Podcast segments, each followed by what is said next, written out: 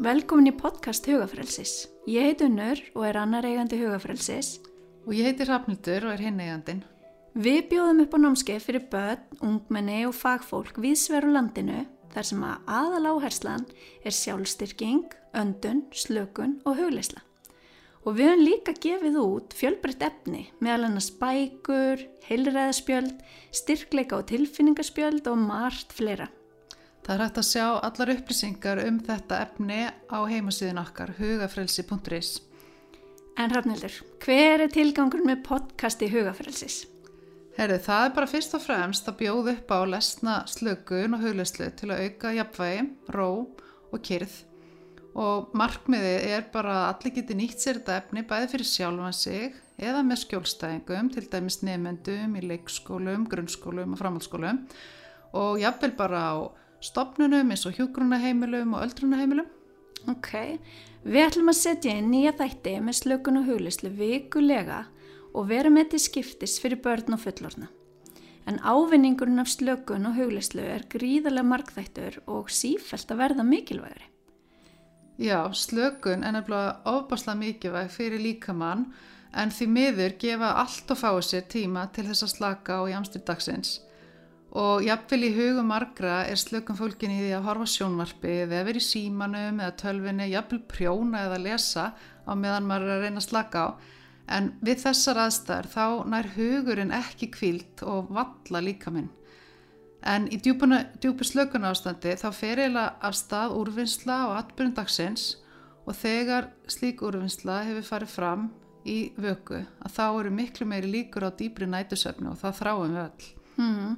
Þannig að slökunaræfingar eru mjög mikilvægar því að það er að hjálpa okkur að hæja á og koma ró líka mann og í upphafi þá má alveg búast við að alls konar hugsanir trublislökun og það er alveg dæmigert fyrir hugan að vilja aðtegli þegar við ætlum að róa kerfið okkar. En hugurinn er nefnilega gerðu til að hugsa alveg eins og hjarta er gert til að slá.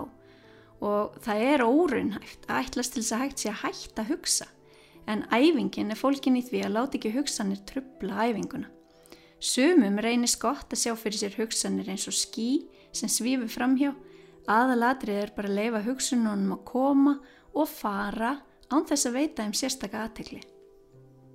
En hugleisla er aðferð til að leiða hugan í ákveðin átt. Í rauninni segir orðið hugleisla nákvæmlega það. Að hæja hugsunum og finna innri ró sem við þráum öll. Það má segja að hugleisla sé í raun þjálfun fyrir hugan og jafnvel einbyttinguna og skerpir og aðtegli og eflir ímyndunafli sem er mjög á skortnum skamti þegar við erum alltaf að fá allt matað í gegnum þessu tæki þannig að við þurfum að þjálfa ímyndunafli og einbyttinguna. Mm -hmm. Og í dag eiga margir erfitt með einbyttingu þar sem að mikið árið er á hugan eins og Rafnildur að koma inn á og hugleislan er því árangusrík leið til þess að ebla hana.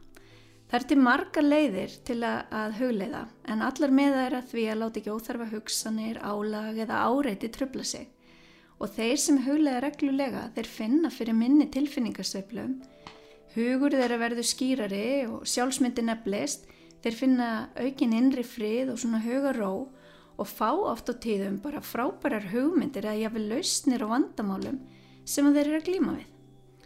Og það er að hugleiða ótal vegu og við leggjum áherslu á svo kallar huglisli sögur en flestir kannast vel við söguformið og eiga þessuna auðvelt með að tilhenga sér að huglega á þennan máta. En það er mjög mikilvægt eins og ég sagði á þann að slaka á líkamannum og huganum til þess að undibúa sig fyrir huglisli söguna og við verðum alltaf með nýja huglisli sögu í hverju viku en hugmyndin er að nota slökunaræfingu alltaf þá sömu á undan hverju huglisli sögu því að þá er meir líkur á að maður læri söguna og eigi þannig auðveldur með að nýta hana í alls konar öðrum aðstæðum, svona dagstæðilega. En til að byrja með þá verða huglislu sögurnar uh, frekar stuttar fyrir börn og svo lengi við þær smá saman þegar þau fá þjálfun og úttalt til. En það er bara mjög mikilvægt líka að hugsa, hlusta reglulega á sömu huglislu söguna því að dagsformið er mjög semt og þess vegna er upplifunin bara sjálfnast svo saman. Og við, þegar maður er að leifa sér að njóta slökun og hugleisluða, þá er heppilegast að sitja eða liggja í þægilegri stöðu þegar við erum að hlusta. og það er gott að hafa yfir sér teppi eða sæng þar sem maður getur fundið fyrir kulda þegar líka minn er orðin slagur.